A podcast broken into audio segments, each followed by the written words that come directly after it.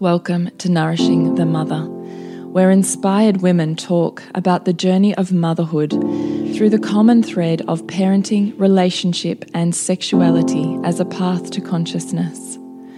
We ask, in what ways can we show up more fully, live more meaningfully, parent more wholly, and love more unconditionally? How can we mine the wisdom from the experiences of our lives and expand into those challenges. If you are here, you care about paving a path of conscious and intentional motherhood, connected with yourself and your gifts, and also illuminating your children in theirs, so we may raise more whole humans who can impact this world in a more humane way. And if you feel like giving a little back to this free content, please become a patron of the show and receive extra member benefits for less than a coffee a month. Or you can leave a review on iTunes and Facebook, all of which helps the podcast keep going and reach more mamas who need this type of tonic for the soul. Head on over to patreon.com forward slash NTM podcast to find out more. We are Julie Tenner and Bridget Wood, and we are so grateful you're here.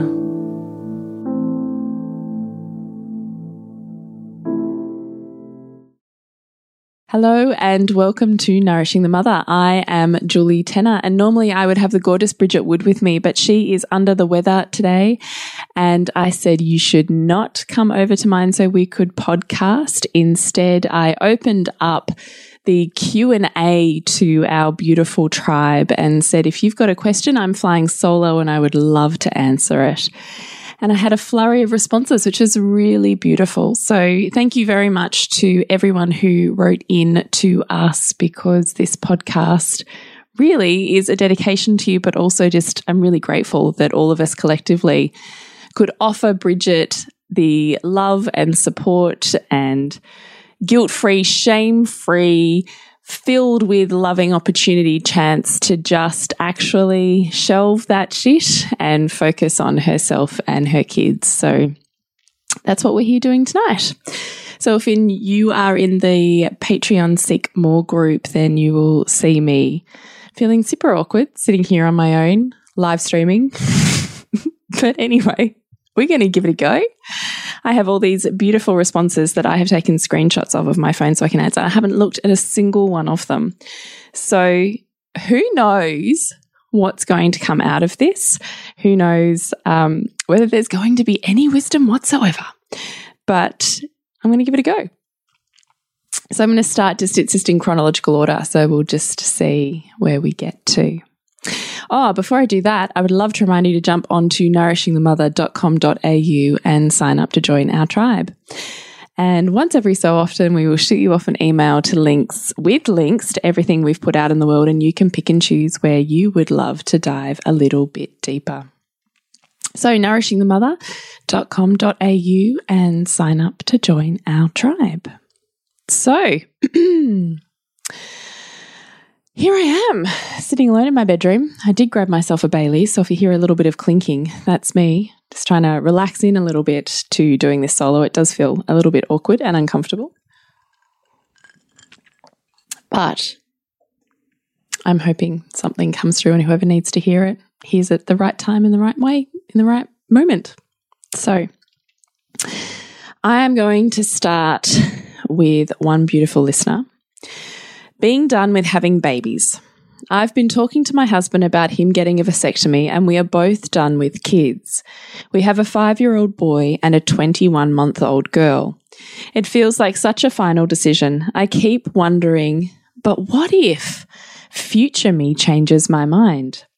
At the moment, I'm very set on no more for many, many reasons, and the thought of any more just makes me feel, ah, I am such an indecisive person and have trouble making decisions. So I guess what I am asking is how can I be comfortable in making this decision and stop going backwards and forwards between should he get one, as I definitely don't want an accident.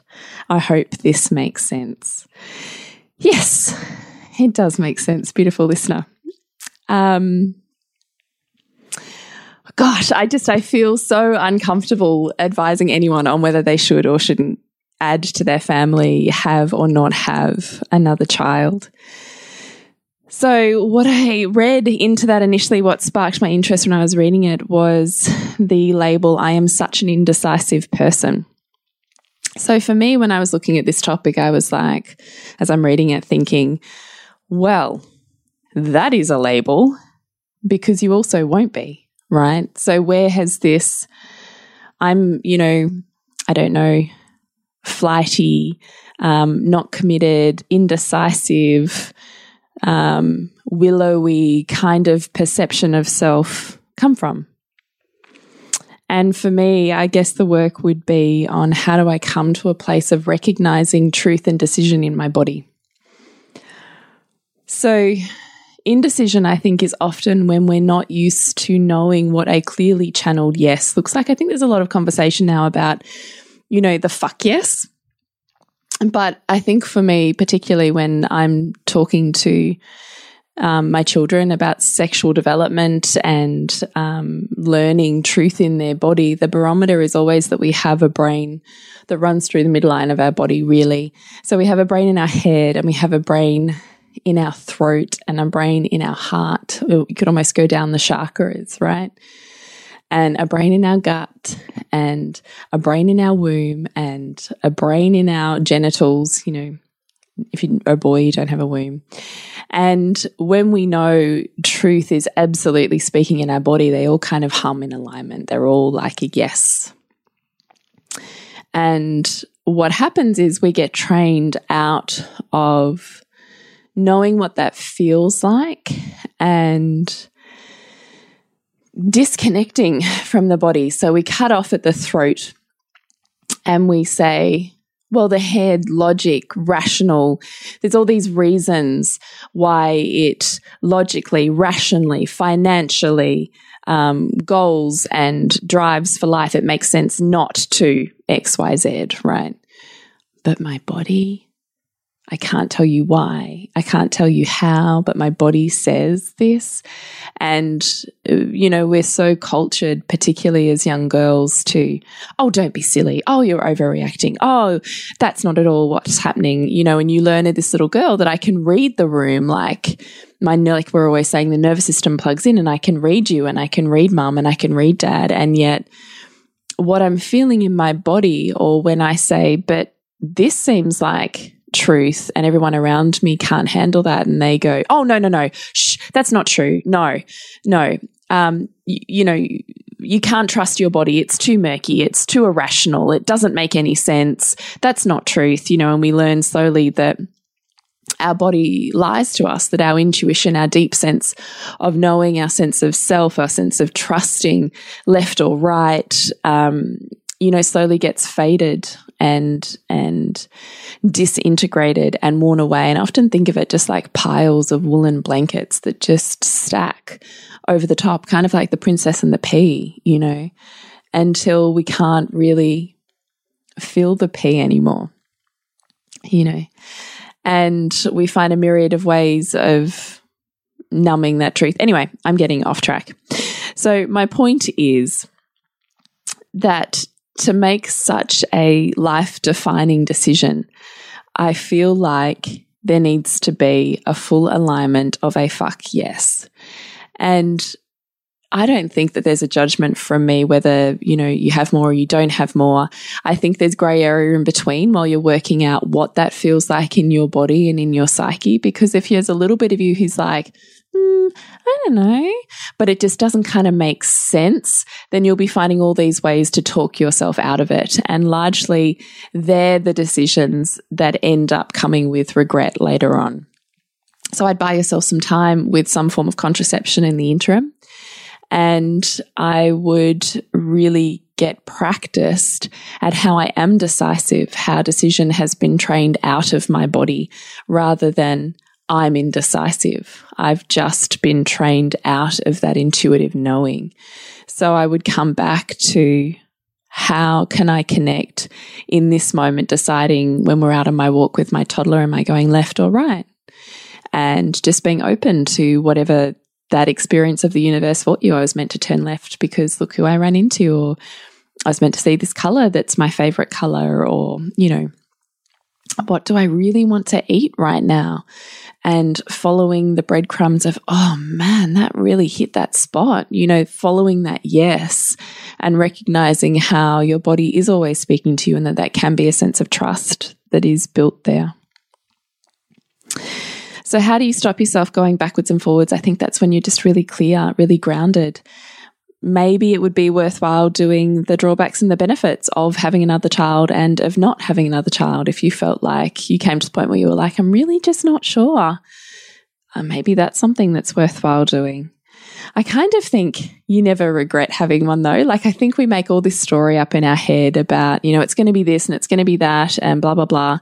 And the truth is that it is never any of what we, you know, my life is full of worries that never happen. I kind of think I was speaking to Bridget the other day. She's like, How could I not have had this third child? Like, how did I even think for a second that wasn't a good idea? And I was like, Yeah.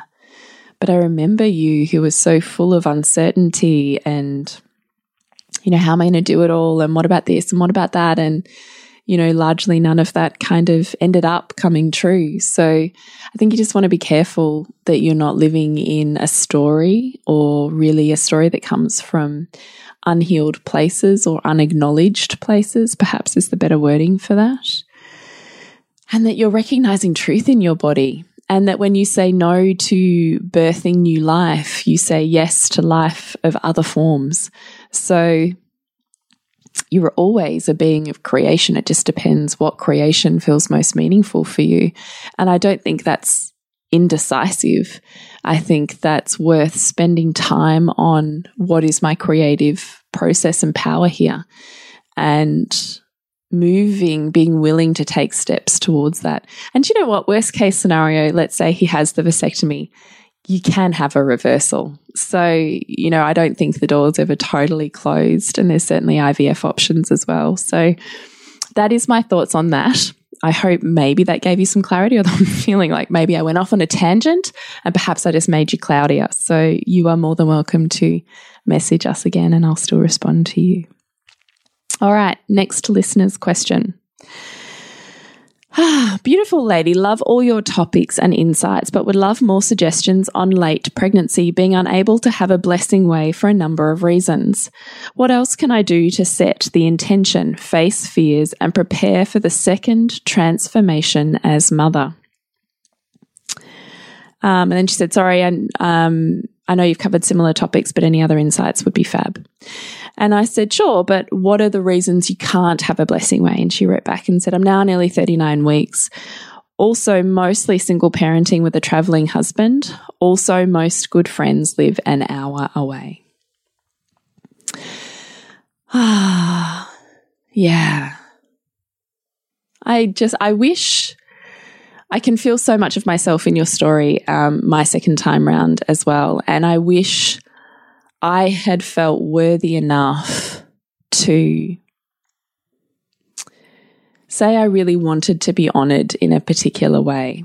Because back then, I, I mean, I didn't really know about blessing way. Oh, no, not. I didn't really know about blessing ways back then, but I could have known if you know I had a, a, space like this, perhaps where I had you know there was this more freedom of information. I had known it was out there. It was kind of something I stumbled across from the leader of the natural parenting play group I was at. Was how I initially found blessing ways and ended up running hers. Funnily enough, God, like eleven years ago now.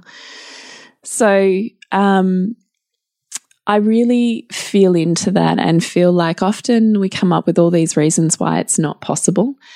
And yet we're the ones stopping that possibility. So, one of my beautiful friends who also runs Blessing Ways, she's run Blessing Ways via Zoom. So that's an interactive kind of like Skype, but you can have multiple screens, um, you know, appear on your screen. So you can have conversations and see everyone. So she's facilitated online virtual blessing ways because that woman's, you know, friendship circle or home base of community live internationally. or interstate. And so um, her and I sat together and I helped her work out a format into how that could actually work in an online world. And I think it's totally possible, totally doable. So I think there's always ways of expanding what the blessing way means. Blessing way, I should explain to you if you're not not familiar with the term. There's contention about whether we should actually even have the right to use that word. So I do apologize um, retrospectively now, but I use the term more um, the blessing way or blessing the way, being that it comes from the ancient Navajo fertility rites, so sacred ceremony, and really only family members of, of that um, culture have the freedom to use that word. So it represents the creation of a ceremony and a series of rituals designed to walk a woman through the transformational and transitional gates that are available to her from the process of maiden or mother as she is to to the mother that she needs to be or is becoming and that she has a set of processes for you you consider it kind of um, for us, kind of like the framework of a funeral, that when you have a space and a time and a ceremony that's specifically dedicated to focusing, focusing everybody's intention on this one aspect, it speaks to everybody's heart and everybody has a way of being able to process much more fluidly because our psyche has a physical form in which to process what is unseen. And so the blessing way is like that. It brings everybody's focus very much into this one space and time and topic you um, find pieces of your own story in the sharing of that, and there's opportunities to release fears that are holding you back from having the birth that you want to have. Excuse me a minute. ah, excuse me. Um, and step into the woman who loves the way that you do love and can love in order to be the woman for this baby have a little bit more Bailey's. So you're nearly 39 weeks. I really get that's um, that's pretty close. So you could have your baby any day. But I would love for you to sit with why you felt like this wasn't an option for you. Because if you were someone I loved as a friend, I would wholeheartedly and willingly love to travel an hour to honor you and share an experience of your transformation. I would love that as a opportunity to love you better, to love you deeper, to offer you anything I can, knowing how much you've offered my life. And largely, I think that's what a tribe of women want to do for each other, but how much we let that in is rare. So, an hour away feels I don't know, it feels really easy for me. I don't feel like the hour away is hard.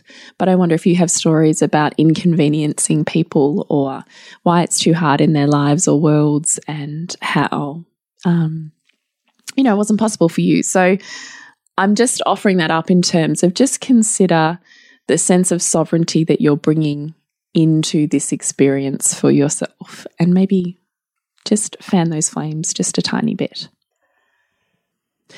So, what else could you do to honor the transition of pregnancy at 39 weeks?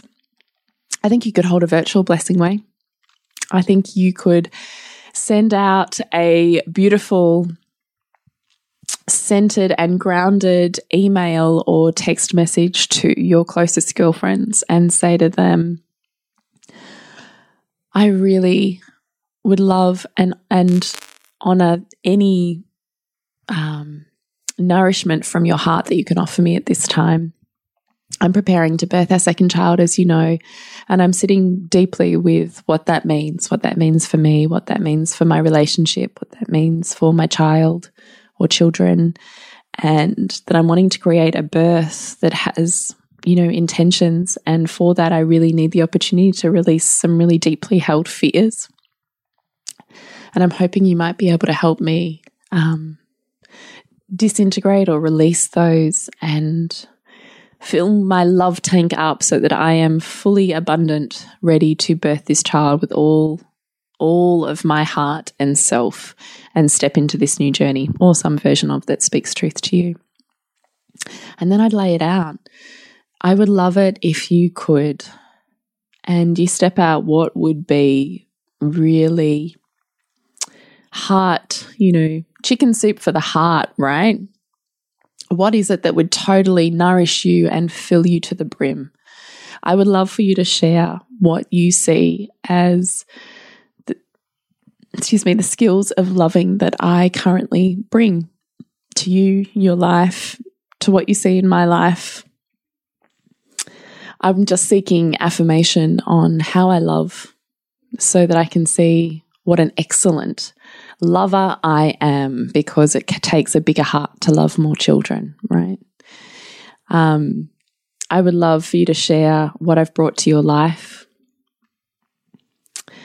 I would love for you to offer me any meaningful words from your own journeys or quotes or, you know, whatever words speak to you about the transitional birth of um, mother or birth itself that you feel, you know, really called to share with me. And I would love for you to offer me a prayer, prayer or this baby a prayer or a blessing for its future. And I plan on writing these out and sticking them on my walls. So if you'd like to handwrite them and email or photo text them to me, I would really love to bring that energy and intention into my birth space or whatever version you want to do. Or maybe, you know, you don't want to do that and you just want to do it on your own, or you just want to do it with your husband. Then I would be saying to him, he might be fly in, fly out, but I'd be saying to him, you know, I really want to set an intention for how we're going to be together for this next journey. When are you in that we can put our other child to bed and we can light a candle and sit together and just so I can talk to you about how I how much I love this journey and how terrified I am and all of the things I'm scared about happening or not happening. And all I want you to do is just watch me and stroke my arm or hold my hand and just tell me, You're so beautiful, keep going, or whatever version of words you know you want to hear. And then I want both of us to write a letter to our baby or, you know, write down intentions or affirmations for what we want to create for our family before this baby's even here. So I think you can get totally creative with what that looks like. You know, I'm even thinking as I'm sitting here, sorry, if this tickle would leave, it would be great. You know, I'd even sit down and do that affirmation myself. So I would do a meditation, I'd light a candle, do a meditation, rub my body with oil potentially. Um, I would write a letter that journaled everything I was holding on to, everything I've learnt about love and myself and parenting through this first journey, everything I'm wanting to create for this second one, everything I'm terrified about losing, not obtaining, not having, you know, whatever in the birth of this second one, the fears of ego, the fears of self, the fears of loss, the fears of identity, you know, all of that stuff. Like, just purge that shit out because this is the time to do it, right? And then I think I would look that over and I would um, either create a little mini burning of fears ceremony for myself, you know, release, blah, blah, blah. Or, um, you know, I'd just take a sigh and just go, oh, feels good not to have that in my cells. Thank you you know, thank you for this opening moment for me to see these and realize that none of them need to be my truth. And then I would probably get, um, I don't know, body paint or something, and I would probably write words of affirmation on my belly, might towel it off from the oil, and write the words that I want to infiltrate into the waters of my body. So trust, depth, I don't know, um, strength movement, compassion, insight. I don't know, whatever, you know, feels really compelling to you. I would probably write those, let them, you know, seep like Dr. Emoto's work, right? On crystalline structures, let them really seep into your body. And then I would probably have a shower and rub my body with a salt scrub that cleanses my aura. And then sit down with a beautiful cup of tea and something warm and fluffy and soft that just feels amazing on my skin wrapped around me. maybe I'd even have an orgasm just top that off, you know, and send that energy and that affirmation really out there, that power of love, that kind of burst. So that's a lot of ideas, but that's what I'm thinking that you could do lots, even though you're not having a traditional blessing way. I think there's many ways to still bless your way. All right. Let me see here. My almost two year old is constantly communicating at me in screams and whinging. It's so horrendous for me. My four year old is easy and even natured and helpful when the one year old gives me the total shits. I'm unsure how to navigate through this. I'm aware that she is a that she is the magnet effect, whereby her always screaming and whinging at me repels me in repels me to total distraction and has immersed me into nailing life, working and oops and hitting targets. I should say I did read a little bit further on this one, which I haven't screenshot here, but that this child also has um, severe obstructive sleep apnea and is um, in for surgery soon. So, my third child, who is also diagnosed not with severe but with moderate obstructive sleep apnea, is also my hardest child. And, you know, I think sometimes you know, we can spiritual our way out of these things, but we all know what chronic sleep deprivation does to us mothers. And when you consider the case of sleep apnea, I'm not sure how much your child's waking up, but when we did the sleep study on my third, she's waking, she's stopping breathing six times every single hour of every single night. So six times every hour, she's her body's poking her awake as she goes into, you know, a fight or flight um, you know, trigger. So she's never getting into a deep sleep. And if your daughter has severe sleep apnea, then I imagine it would be much worse than that. So I just think, man, she has never slept. I can't even imagine the basket case I would be if I was waking up six times of every single hour of every single night. I like can't even imagine it. And then we wonder why these tiny little people are so hard and so emotionally um, up and down and can't cope with much. You know, I do. I don't think that they're necessarily separate. So I wonder. Um, I do wonder in these circumstances with surgery when those airways are more open and they can actually um, not be going through um, oxygen, oxygen deprivation and they can get into deeper quality sleep whether a lot of these behavioral issues that we're seeing do actually dissipate and just disappear based purely purely on the fact that they're actually getting good quality sleep. So that was really hard for me to face. I don't know about you, but I'm imagining if you're in our tribe, you're kind of similar with high health values. And particularly as a naturopath who's like, you know, everything stays in the body and everything should be intact and all parts of the body have purpose and, you know, blah, blah, blah. And here I am faced with this child who requires adenoids and tonsils to be removed from her body. And I have judged those parents in the past. Let me tell you, if you just got off dairy, if you just got off wheat, you know, blah, blah, blah, off I'd go. And here I am with the child who actually requires that. And I've had to really do some serious work on that, what that means for me is as a form of identity or identity smashing, rather how I can view wider. And what I started what I started doing was just anyone and everyone who had a story of tonsils and adenoids removal. I just wanted to know their story. And if you're in a school system, there's a plethora usually. And can I tell you, they're all miracle stories. Miracle stories to the point where I'm like, surely it's not this true. Like, surely everyone's making this, but I have not met a person yet who's had that surgery who hasn't um, had a miracle story to tell me. So I really had to push myself into seeing the benefits of having surgery because all I could see was the drawbacks. And classically, that's where my brain had been trained, right? This was the bad choice. So sometimes I wonder about being taken to our polarizations, right? Because whatever you condemn, you breed, attract, or become. I think all of that has happened here. So I wonder if perhaps that's similar for you. So that was all I thought on the sleep apnea thing. What I also loved here is that you can say, that her whinging has repelled me from motherhood so much. So she had this gorgeous, loved up attachment experience with her firstborn child.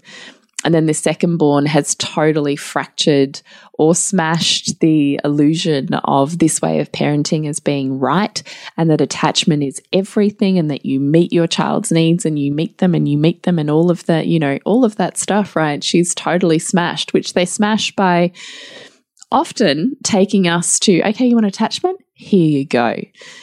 You want meeting needs? Here you go. I'll amp them up to the point where you then consciously have to see the drawbacks and you consciously choose to remove the codependency and push back a little bit. So that's often what happens in these situations. And when she's done that, you have to look at one, she's totally balancing your polarizations on the world, on your other child, on judgments of other mothers, on the self righteous pedestal, possibly you've put your, yourself or your parenting up on, you know, and how do all of those smashings actually benefit and fuel your learnings and your top values. And at the same time, by her providing the perfect stimulus to remove you or push you out of motherhood, you've been pushed into empowering other areas of life. That if every all of your needs were met in motherhood and everything was peach keen, you wouldn't go looking for it, right? This is also the fantasy of the perfect entwined parent child relationship. If all your needs are met by one person, you won't go looking outside of that relationship for those things. So she has, by virtue of being this really intense soul with this really intense voice, she's made you go, Whoa, I need, you know, these other pieces of me, this strength in other capacities. And she's totally fueled the flame, the, well, yeah, fueled the flames, fanned the flames of your, um, work area of life, right? You're hitting targets, you're nailing, like, I think that's pretty amazing if you think of it in terms of if she's the universe and the universe is going, okay, spinning plates over here, this way, then she's the perfect child, right? Like, I, and probably if we went back into when she was conceived in your pregnancy, you'd find that there was a repression there that she's expressing. Like, the whole thing just blows my mind. It's actually pretty amazing. But I also really get that the screams and winding, whining can be so intense that you just get to that point in day where like I just like can't anymore. And so sometimes this perfect stimulus comes in to push us to open up and empower in new ways that we haven't before. And then sometimes we can move so far into that because we're now running away from this thing that our guilt or our perception that our top values aren't being met, like in family or raising our kids consciously, that guilt will pull us back into alignment and back into our motherhood, which is, I dare say, what's happening here too. So, again, not judging that presence, all human feelings are feedback and have purpose, but just really seeing how this is also still communications of love. It just looks a little bit bigger to what we're used to seeing it in. I'm just interrupting our podcast this week where I go open mic answering listeners' questions. So thank you for dropping those in. To remind you that we have connected starting live on Thursday and it's our Building Great Sibling Relationships course.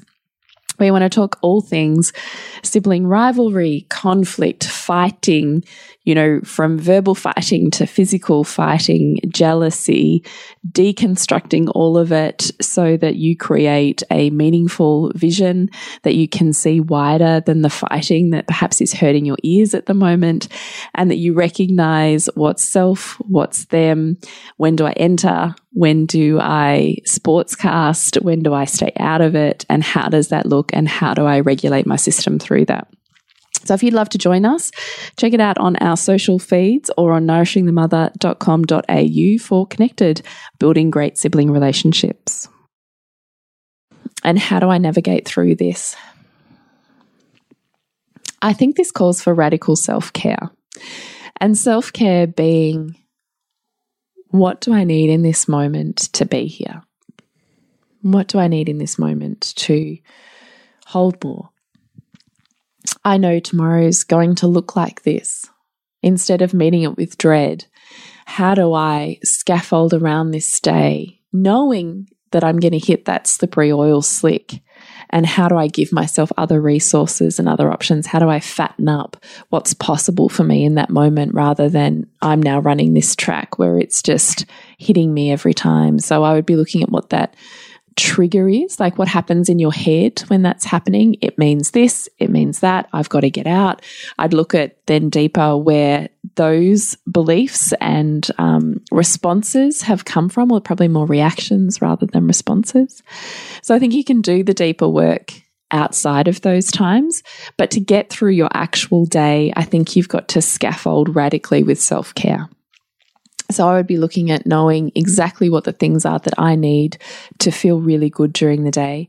And I would be having conversations with my husband saying, This is like really challenging for me right now. And I'm finding it really hard. So I really want to find new ways to meet this within me and within this child. But I also really need your help and support to do that. So, what I'm going to do is and I'd lay out what my plan is. But when it gets too much, I want to be able to ring you and say, I just need permission. Because in that moment, I can't give myself permission to do the thing that I need to do to come back to feeling good. And that's literally the dialogue that we have. And so he gives me permission that I need to hear, like, I don't care about the house. There's absolutely no pressure for you to be anywhere or do anything right now. The only um, thing you need to do is you. And I come back in to go, thank you. I just needed, I needed, I knew that, but I needed just to hear it. And so then how do you scaffold around yourself? How do you, if you are so full of churned up feelings, you can't be the empty container that fully hears anyway. So if you're never really fully hearing because it's so triggering and you're so full of what that's bringing up, which is that past stuff, right? Trying to release, you're on a circuit if you're full, you're not the container and you can't actually, there's no room for your child's stuff to kind of empty out of them and, and fill up you. There's no room and they know that. So the whinging and the whining is kind of an incomplete expression a little bit. I'm like, eh just getting enough of the steam out that I'm not going to explode, but not enough that I come back to balance because I can feel you can't really deal or I feel bigger than you right now. And that creates a lot of anxiety. And I can't really trust that I can fully release and surrender because I haven't really can't really feel like your solidness. I don't really think you've got me. And I think maybe I'm going to be too much for you. So I just think our job always has to be us, number one. We always have to realize that our ability to do our work outside of that time to be able to empty the container so that we can be the strong, solid anchor and the empty container that says, the anchor says, you're not bigger than me. You're not too much for me. I've got you. And the container that says, you can fill this. I can hold it. You get to empty and I will love you through all of that, right? And so then the nervous system goes, oh, solid, I can trust, I can release because releasing is kind of like the free fall, isn't it? You have to have a sense of trust that someone can hold you and you're not going to overwhelm them in order for that to happen, and that there's an emptiness and a presence that says, I'm here waiting for you. But I also get that's pretty fucking hard to do when you're super triggered and strung out and wrung out, and it's just like Groundhog Day. Like, I really get that too. So I just think, you know, have the vision of what you're shooting for and do the best you can to create your own self care plan for scaffolding towards that. So, the same way you're meeting targets for work, you're obviously an excellent goal setter. So have your big vision, have your big target, and then chunk it down into smaller, smaller goals, weekend goals, um, weekend, as in by the end of the week, day goals on what that looks like. And when it gets too much, what are you going to do for yourself to bring yourself, you know, to, to, nourish your nervous system to bring you back in and make it safe for you to be here. And how do you make that actually the spiritual practice, knowing that when you master that, actually your abundance and your ability to hold more at work and in life just kind of amplifies and flows out from there anyway. So that's what I'd be doing. Hope it helps. Okay. I have a question following the other lady's suggestions of being done with having babies. Mm-hmm. I desperately want to have a third and have spent the last three years thinking about it and waiting for my husband to come around. My youngest is now four, and I didn't want to have a really big gap. My husband would go and have a vasectomy tomorrow if I gave him permission. I am guessing he was wounded by the stress of the other two and he can't comprehend coping with a third. This is the first issue in our marriage where we cannot even discuss it because he refuses to talk about it and shuts down when I ask. As he won't talk about his reasons, over the years I've come up with an endless list in my head with the primary thought that if I were a better mother, did better, was a better wife, human being. Hang on, I've just lost my spot. Mm. Maybe he might see differently. But of course, no matter how hard I try, it's not enough. Ah, that hurt my heart when I read that. So essentially, how do I be okay with moving on from babies? How can I be okay with no when I have no other option? I really didn't know how to answer this one because part of me wants to play devil's advocate, and part of me, you know, has the wicked curl at the corner of my mouth that says, Oh, you always have an option. you are the feminine core being with the ability to masterfully be the energy of creation, right? To decide what your vision is that the masculine swoops in to fulfill. So you have feminine wiles perhaps that you're unsure how to tap into. So when I when you go there's no other option, I'm like, mm, there's always an option but there'll be part of you that doesn't want to rock the boat. Because if you rocked the boat in your relationship, if you really said what you de deeply wanted and desired, and it was in opposition to what you believe he wants and desires, what would that mean? Because likely in your head or in your body somewhere, there's a belief that says, in order to be safe, my relationship has to be intact. Or we have to be in connection or in alignment in whatever form that means for you. And largely that belief has served you, right? You've played the peacemaker, you've met needs, you've compromised, you've always found a way to creatively work around and deal with your own stuff in order to be in service to the relationship. And it works to a point, right? Until you get this perfect manifestation of pain in a top value of yours that you can't ignore, that creates, you know, so much pain in your whole body and psyche and heart that for the first time you can feel yourself breathing into discomfort that doing something that you've never done before would bring. And I kind of think, actually, that's the point. Maybe in the end, it's not even so much about the baby. What if in the end it's just about this pattern of codependency is where now it's taken you to where it needs to be. And now it's time for you to let it go. Now it's time for you to more fully step into your potential. And I wonder if in other ways in your life you're calling that in. And so often what happens is when we call in more abundance or more awakening or more opening in our lives, we don't realize that um, we've got to get rid of the shit that's blocking the channel that is going to get us there. And I think often that's how these things manifest. They're less about the thing and more about the type of person it creates in service of that thing that you can now no longer ignore. So I would go more gently. I think I would, as opposed to the I'm not enough, if I were just better everything would be okay. Like, beware those pitfalls of if and when everything will be perfect. Because it's such the fantasy that you actually just breed the nightmare anyway, right? It's just a psychic wasteland of bombs. the if and when, and you know, you have the capacity to be that person now, but it takes a dismantling of beliefs that keep you where you are right now. And it takes a stretching into new areas that bring up enormous discomfort. And it takes learning and expanding what relationship and intimacy look like, what communication skills you currently have, how you conduct, move, hold, love, and um, spaciousness for the opposite, for challenge within your intimate relationship, it actually builds on those skills. So I wonder if you could meet your husband with the eyes of right now, he's your guru.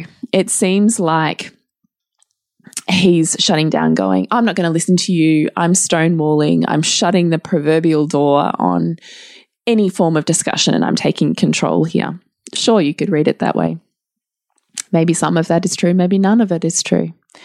Maybe he just doesn't have the skills to meet the discomfort that's in his body and he doesn't feel the safety of knowing how to approach that with you either. Maybe he doesn't know how to practice the art of revealing the truth of his heart, and perhaps neither do you. And so you're both kind of self protecting the relationship as a greater whole by doing the best you can to cope with the discomfort that's in your body. And I think that that's also a really beautiful gift of love. But I think when we can see a pattern like that, we can also choose to rewrite it. We can also choose to love the source of our pain rather than casting it away. I think we can learn to love deeper and wider by meeting that discomfort rather than pretending it's not there because we, you know, he has the vasectomy and you just kind of force yourself to move into this suit that isn't authentic, it just is going to come up again. it's not, you know, it doesn't disappear it just rises its ugly head in your next top value or the next form, right? The challenge itself morphs form until you've gained the learning. It's just on a loop. So maybe it's the baby, maybe it's not.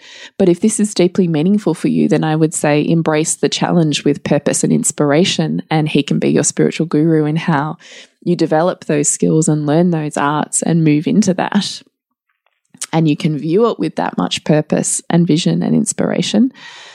And I think you can meet it in a really different way. So I don't think you should ever try and force yourself to be okay with something that's not deeply congruent with who you are.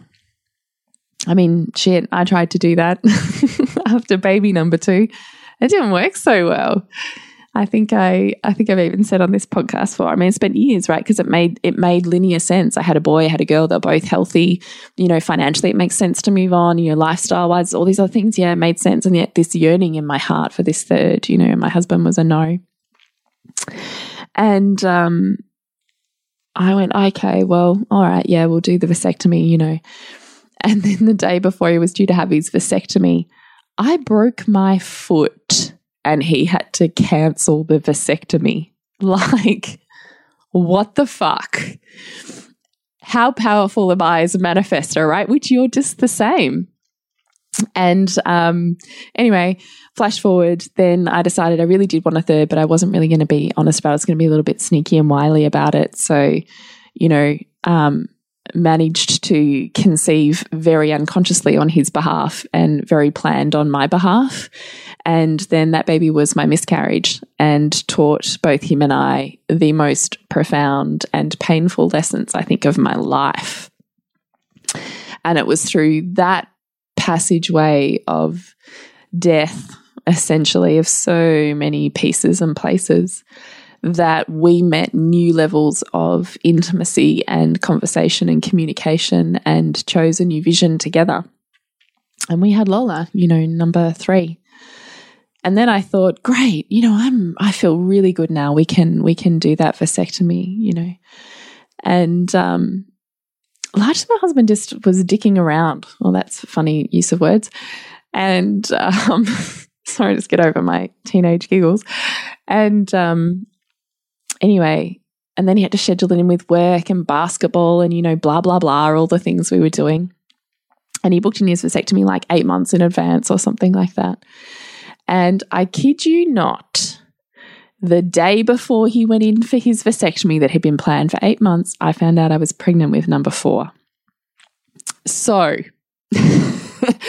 apparently that's very common. If you haven't heard that before, you book in the vasectomy and it's like it's like going through menopause, isn't it? It's like your body drops the eggs or these souls come through.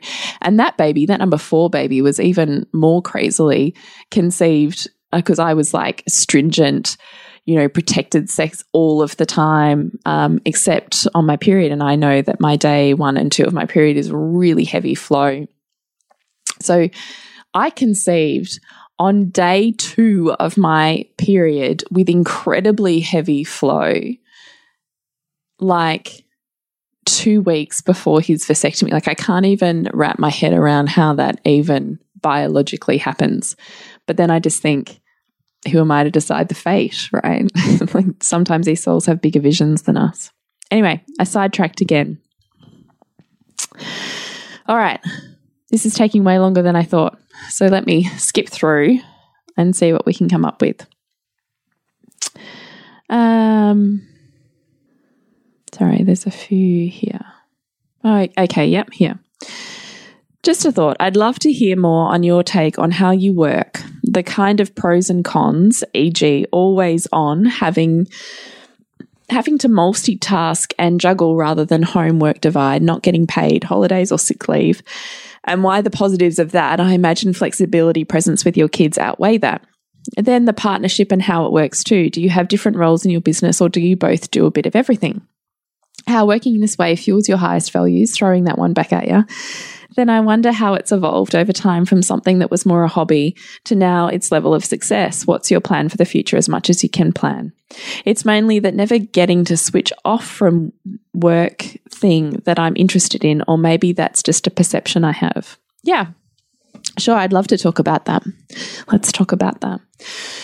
So let's start with that. The more uh, the pros and cons are um, always being on. Yes. Okay. So if you have your own business, yes, that is the con. You are always thinking about it. You are always on or responsible or accountable on some level. Yep, totally. But when I was a practitioner and owned my own business and had set work hours and came home, it was the same anyway. So this version of work I find far I find far easier. This is absolute delight and pleasure and joy for me. Like, honestly, honestly, I really think so much of, of how the evolution, I suppose, of nourishing the mother, and then also myself as the pleasure nutritionist, the just the simple evolution of consistently committing to showing up and being open to failure and judgment allows you just to just showing up right?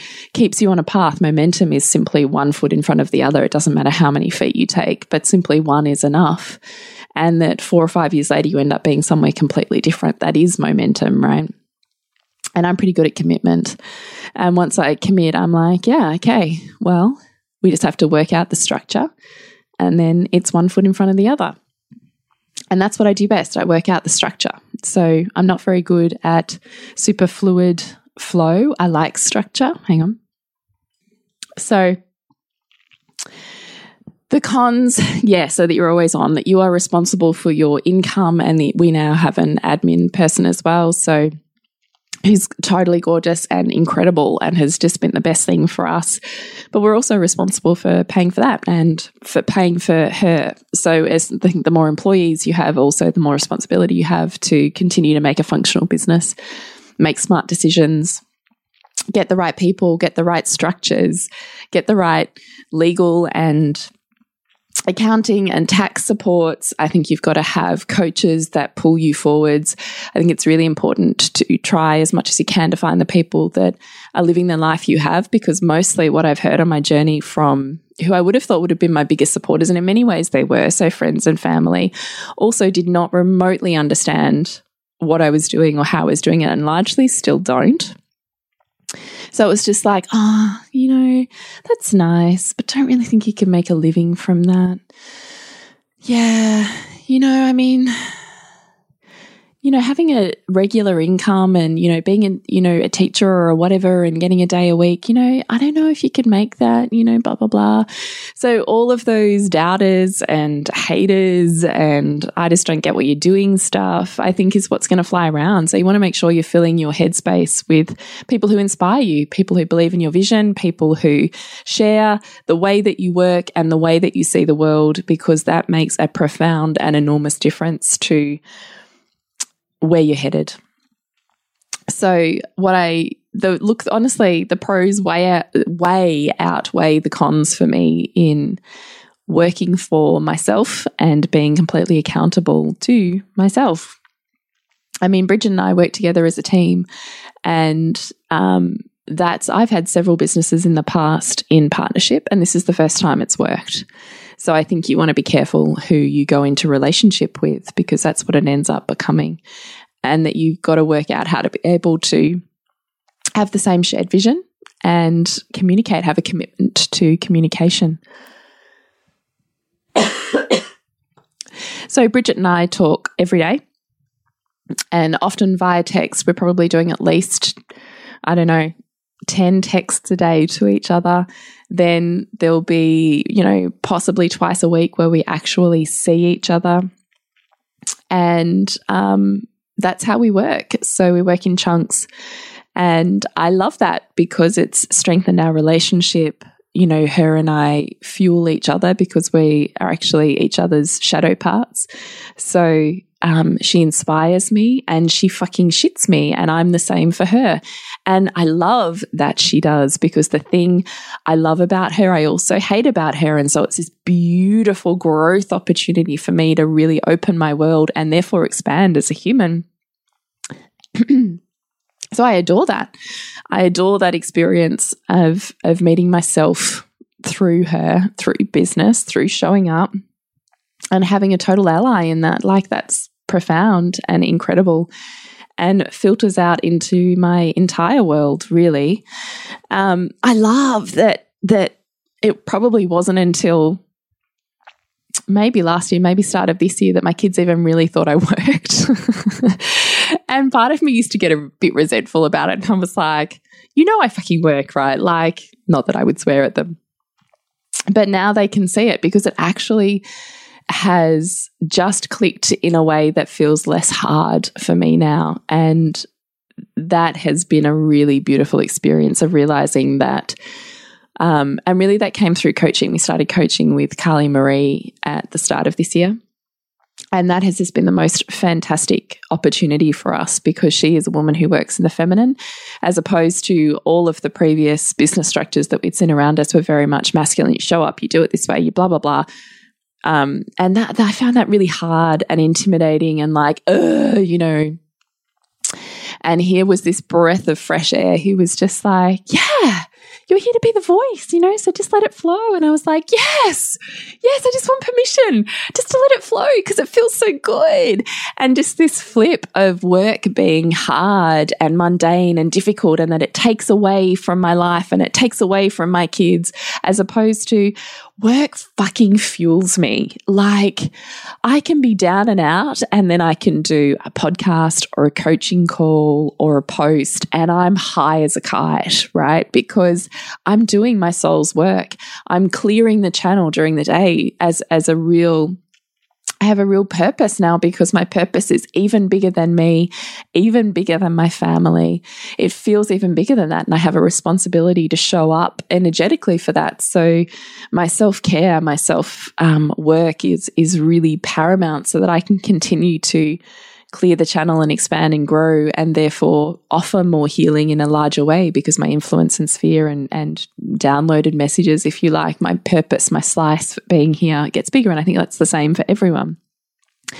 That it can just feel really great to let it out that creativity comes in so many different forms and that it's life giving. Just letting it out feels life giving. It doesn't feel life sapping. It's not like, oh God, work. Oh God, how am I going to fit this in? I'm like, fuck, I want to work. Kids, get out of my way. I really want to do this, you know. I think this is, it feels so good. I love working. I love doing this. I love that I can, you know, set my kids up with a plaything and I can do a post in 10 minutes and that can have a profound impact. I love that I can, my life is my work and my work is my life. And I think the more fluid we can make that, the more profound our impact can be. I love that my kids know that they're the center of my universe and I get to pick and choose, you know, when I show up and how I show up to them and for them and with them. I love that I can still be a stay at home mum for all intents and purposes and still honor and find the pieces of me that are deeply meaningful and inspiring and that I know are going to fuel me for the rest of my life. Like, I, and I know at the same time that fairy glitter sparkles down on my children too. Like, particularly my older two now are, are super like, oh, what'd you do today? What'd you do for work? You know, but they're like super intrigued and their worlds are opening and they're like, Mum's a podcaster? Like, what? You know, and I don't post anything online with them in it without asking their permission first. So they're largely involved in my feeds.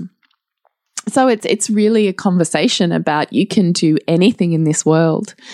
And your job probably isn't even conceived yet. And you get to be the person who just gets to focus on what feels deeply inspiring and meaningful and good for you. And I fully and totally trust that 100% put all of your eggs in that basket. Fuck the safe method and, you know, only putting one or two here and, one, and having a backup plan. Fuck that. Yes, go live the life you were meant to live because what you come into this world with, what you've taken from me or not taken from me, how you see this world, where you want to head in it is not random. So go do that thing because that's what I learned. And I've done both. And this way feels way better. And I am a better human for offering what I think I'm on this planet to offer rather than pretending it doesn't exist. So I just, the benefits of that, like I was even, um, I was organizing some stuff. Sorry, my voice is going, it's going a bit funny.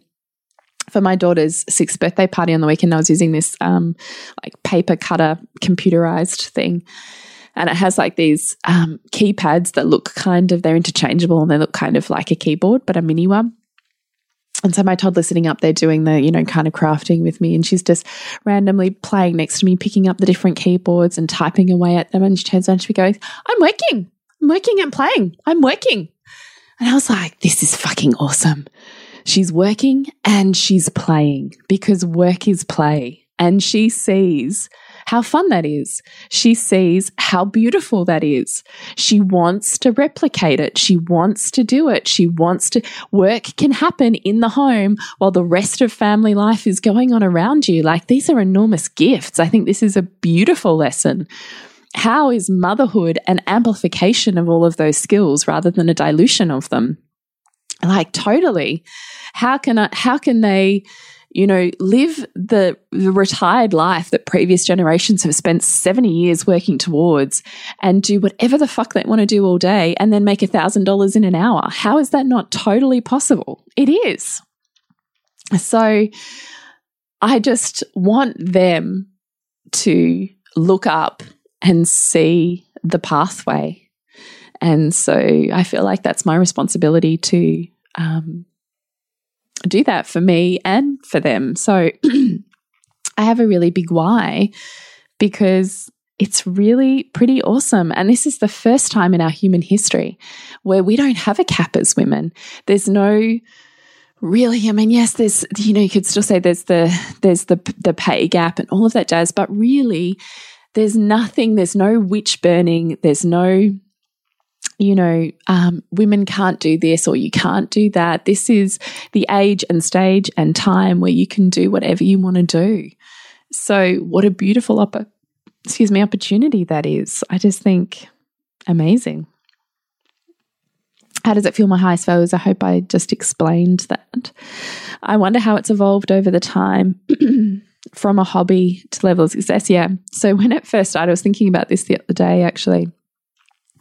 When Bridget first threw it out for me and we pay for editing through the wellness couch, she was like, Look, if you can put up a hundred bucks a month, um, we can do this. And at the time, I wasn't working and had just had my third baby. And I was like, no way, can I find $100 in our family budget to even do this? And she was like, well, she was kind of Bridget back then. And she was like, yes, you can. If you really want to, you will. and I was like, fuck. And so I spent all this time trying to work it out. And um, initially, you know, it was a real struggle, but I found a way to make that work. And I started and then found I loved it. And then decided, well, that money had to go there. So I wasn't paying for the sport or whatever I would do. I would do this instead. And so it started like that as this side thing that I just really enjoyed. And then it wasn't until about a year in that we realized we had a business. So that, that this was a movement in and of itself. So, you know, the evolution of that is, has been enormous. And the other issue with that is, is that we're not a generation that has been brought up really with the internet or with social media. It's all super new. So we were kind of learning all of that on the fly and then learning, implementing, learning, implementing, learning, implementing, which is largely still how we roll. And it's just been the wildest ride, and I freaking love it. And now I look back on that journey and think, man, I needed each of those steps. I couldn't have landed bang here right now because I would have no no foundation. This is, you know, really sturdy foundation on which I understand so much of that now that, you know, I don't know, I just think it's a total gift. I just, I love it.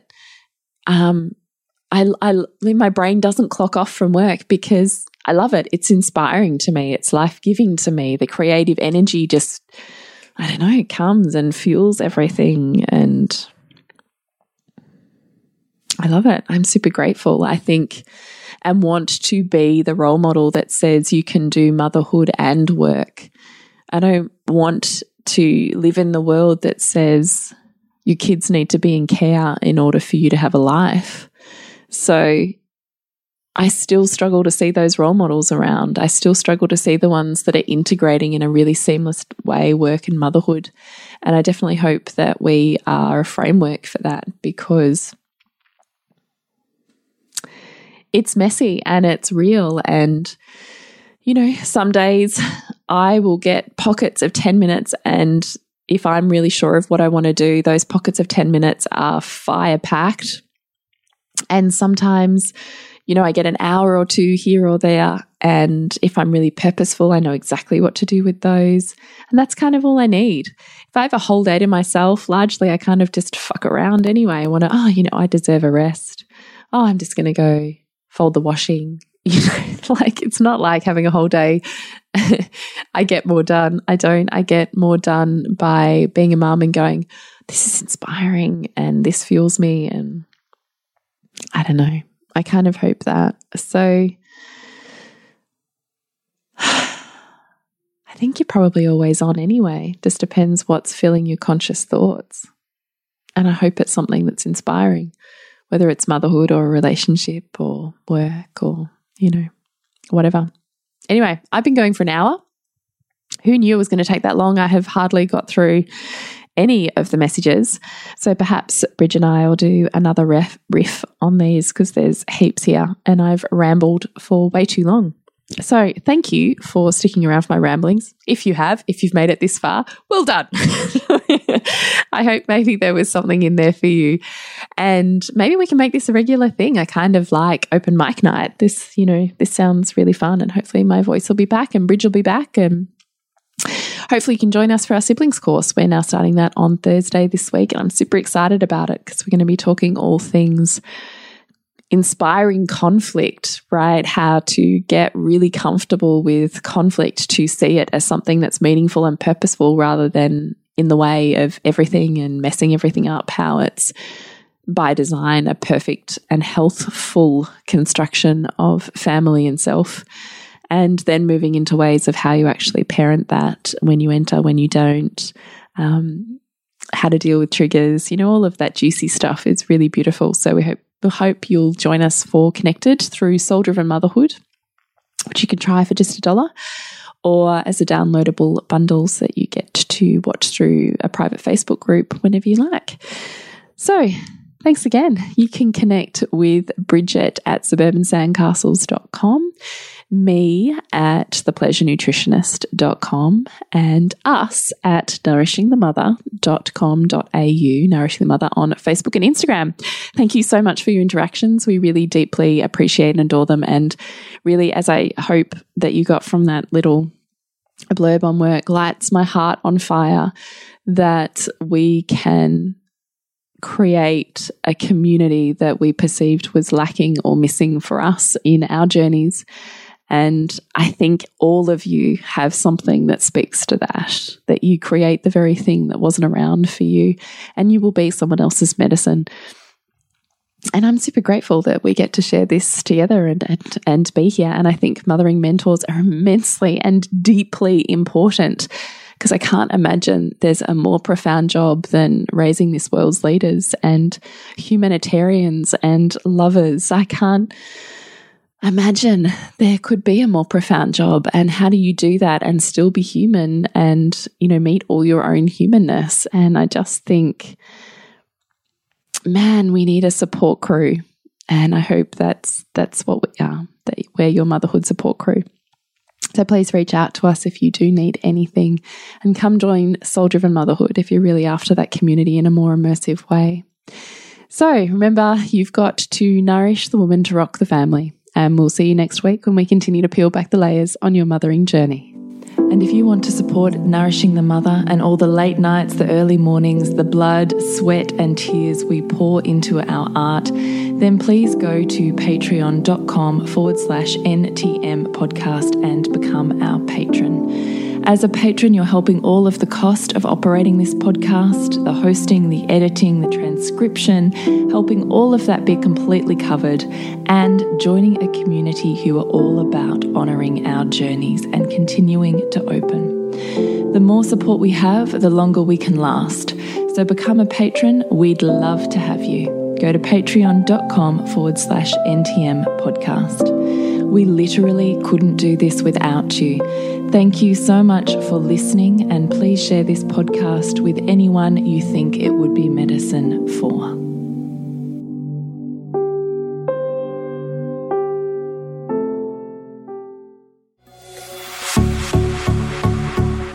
This has been a production of TheWellnessCouch.com. Check us out on Facebook and join in the conversation on Facebook.com forward slash The Wellness Couch.